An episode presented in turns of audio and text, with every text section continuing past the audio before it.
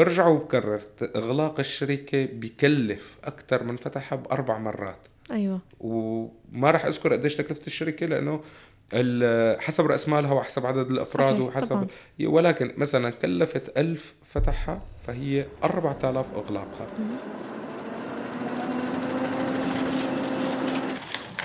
عنب بلدي بودكاست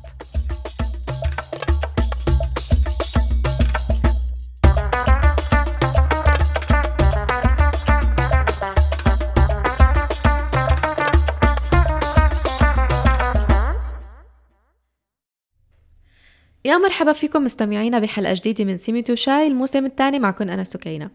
بهي الحلقة معنا الأستاذ وسيم قصاب باشي آه ليحكي لنا عن طريقة تصفية شركة يا أهلا وسهلا. بتركيا. يا أهلا أهلا وسهلا. فيك. آه أستاذ وسيم احكي لنا شو هي طريقة تصفية الشركة بتركيا؟ آه مثلا عاملين نحن شركة آه خلص ما عاد بدنا إياها بدنا نوقف آه أي نشاط إلها هلا مثل ما ذكرنا بالحلقات السابقة إنه الشركات بتركيا الأساسيات هن ثلاث أنواع مهم. الشركة الشخصية يتم تصفيتها عن طريق بس آه، كتابة آه، معروض أو ديليكشة بتتسلم لمديرية الضرائب إنه نحن ابتداء من هي اللحظة أخلينا مسؤوليتنا عن الشركة وقمنا بتوقيف العمل التجاري. لها فبيتم آه، إرسال موظف من الفيرجي دايرسي اللي هي مديرية الضرائب إلى مكان العمل بشوف إنه تم إخلاء المكان وتصفيته فبيتم إبلاغ آه، خلال عدة أيام بإغلاق الشركة.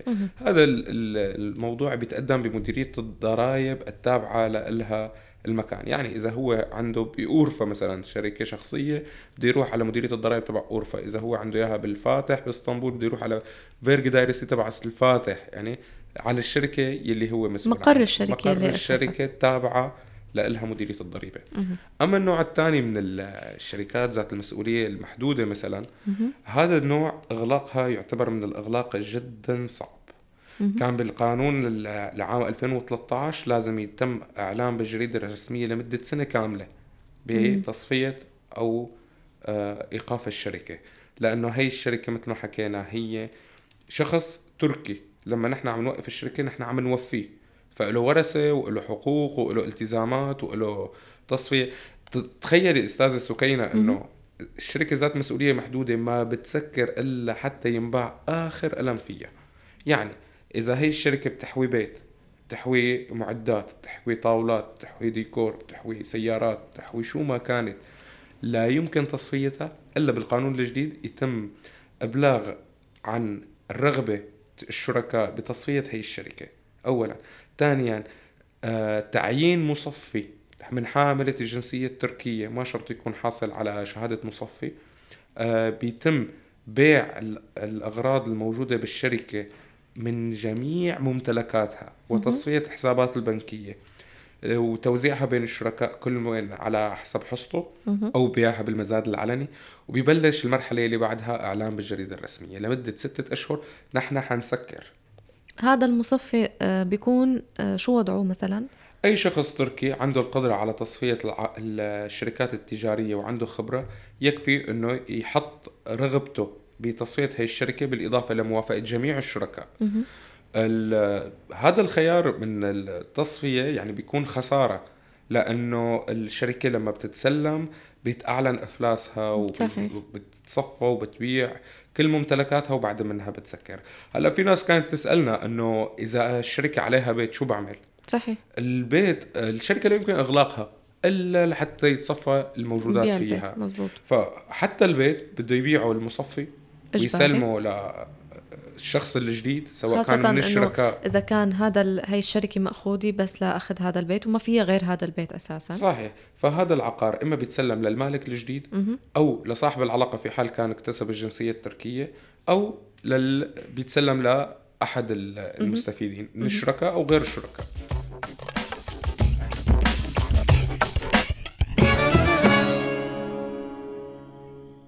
بالنسبة للشركاء آه، بتنتهي علاقتهم آه، بتستمر علاقتهم كمجتمعين متضامنين كلهم حسب قيمته السهمية حتى تصفية الشركة نهائيا. فبرجع وبكرر إغلاق الشركة بكلف أكثر من فتحها بأربع مرات. أيوة. وما راح أذكر قديش تكلفة الشركة لأنه حسب رأس مالها وحسب عدد الأفراد صحيح، وحسب طبعاً. ولكن مثلا كلفت ألف فتحها فهي 4000 إغلاقها. الأغلاق بده ستة أشهر لهذا النوع من الشركات. طيب في عالم بتقلك أنا بركي بعت للشركه. أو واحد من الشركاء بده يبيع. هذا النوع من الأغلاق أنا بفضله إنه واحد من الشركاء بيشتري أو بتنباع للغير. بيتم الآلية كالآتي. مثلا أنا وياك عندنا شراكة وإجا شخص بده يشتري هاي الشركة.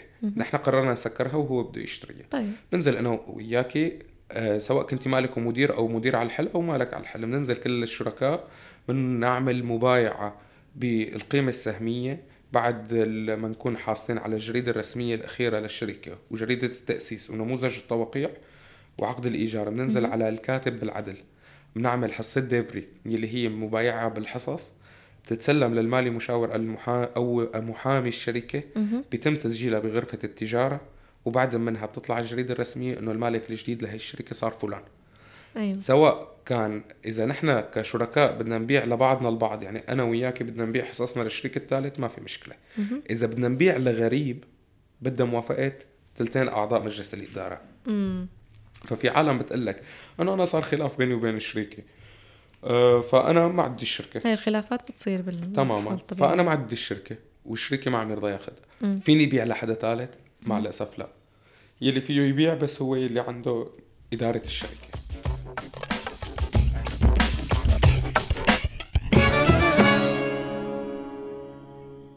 طيب هلا هون نحن بعنا. باع. باع حصته بالشركة وباع كل شيء بالشركة مثل ما قلت من أكبر آه، عقار لأصغر قلم بده يصفي ويبيع.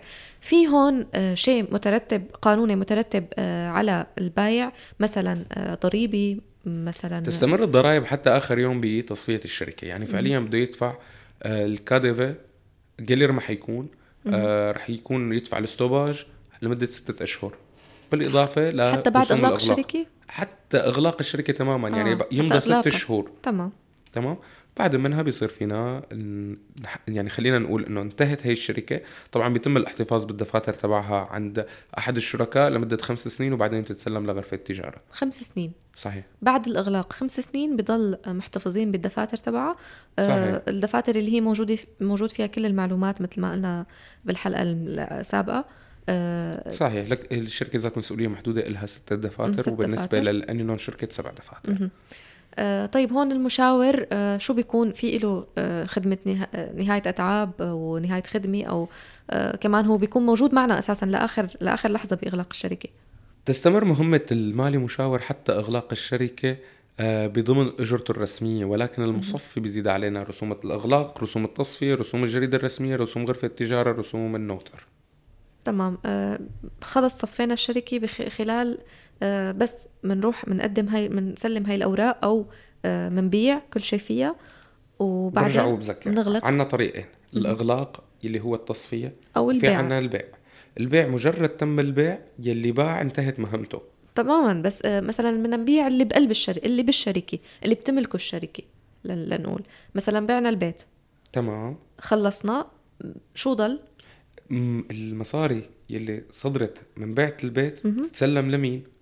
للشركة. للشركة. الشركة بعد ما تتصفى بتشوف الدولة شو عليها ديون بتشوف الأشخاص شو عليها ديون بيسكروا هدول الديون من المصاري اللي هي حق البيت. بعد منها بيرجع بتقسم المال على الشركاء حسب كل واحد حسب. ساهمته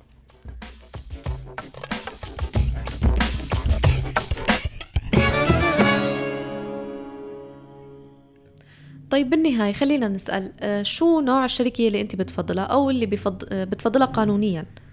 بصراحة ما في شيء اسمه فضل أنا قانوني يعني هي حسب المهنة اللي أنت رح بتمارسها إذا. أنت بدك تفتح محل أو مطعم فأنت لازم تفتح شركة شخصية مشان ما تكبر مصاريفك عليك.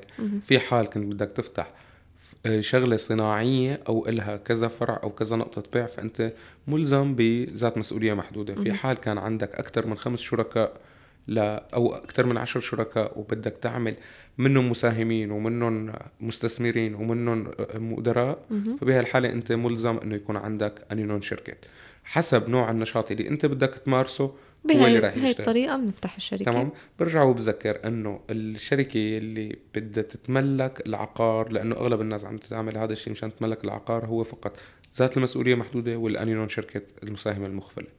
وفي حال بدنا نبيع هذا العقار أو بدنا عفوا نسكر الشركة لازم نبيع هذا العقار فورا. تماما وما عاد يحق لنا ابدا نرجع نتملك كسوريين طبعا أو ك في حال فتحنا شركة جديدة الشركة الجديدة بتتملك العقار. ممكن بعد ما نسكر أي شركة تاني نرجع نفتح شركة بنوع من نوع تاني. مثلا أنا هلأ بدي أفتح شركة شخصية. صحيح بحق لك ولكن لازم تكوني أنت مسكرة ديون الشركات السابقة مشان تجي الموافقة من أنقرة على فتح الشركة. رح نوه على معلومة جدا مهمة. في حال نحن عم نبيع البيت مثلا في كتير ناس آه، عملت شركة عملت إذن عمل اشترت بيت إجت اكتسبت الجنسية التركية بدها تسكر الشركة. عملية بيع العقار من الشركة لصاحب العلاقة نفسها كأنك عم بتبيعي من غريب لغريب فبالتالي كمان في ضريبة البيوع العقارية 4 ل 8% بالرغم من إنه هذا هو ش... هو صاحبه. صاحبها بس هو صاحب الشركة وليس صاحب العقار. أيوه. فبالتالي لما بده يبيع من اسم شركته لاسمه, لاسمه بده يدفع ضريبة العقار هي بين 4 ل 8% حسب القانون اللي صدر من يومين. العقارات الكبيرة بتصل ضريبتها لل 8% أوف. آه، طيب وحتى لو في حال أخذ الجنسية التركيه هو صار تركي وصار بيملك تاجات مختلف يمكن عن تاج عن كونه أجنبي. فهون في معاملات مختلفة شوي حتكون صح؟ أول ما بيستلم الش... الأجنبي الجنسية التركية بيعطوه وثيقة اسمها دينك لينك اسم بلجسي يلي هي. مطابقة الاسم.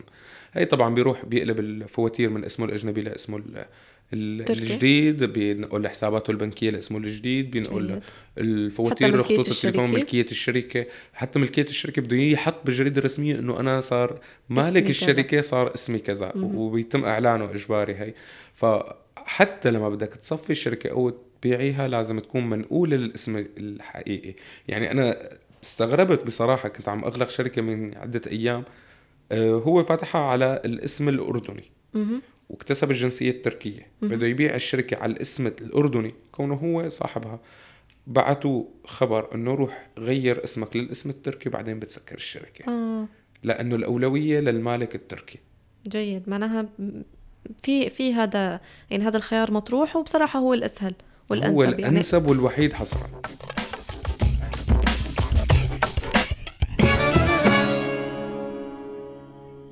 شكرا كثير لك أستاذ وسيم على هاي المعلومات. إذا حابين تعرفوا أي شيء آه، على إغلاق آه، الشركة بتركيا آه، فيكم تتواصلوا معنا على صفحات عنب بلدي بودكاست على فيسبوك إنستغرام وتويتر. فيكم تسمعوا كل حلقات سيميت وشاي على Apple Podcast Google Podcast SoundCloud Stitcher وانغامي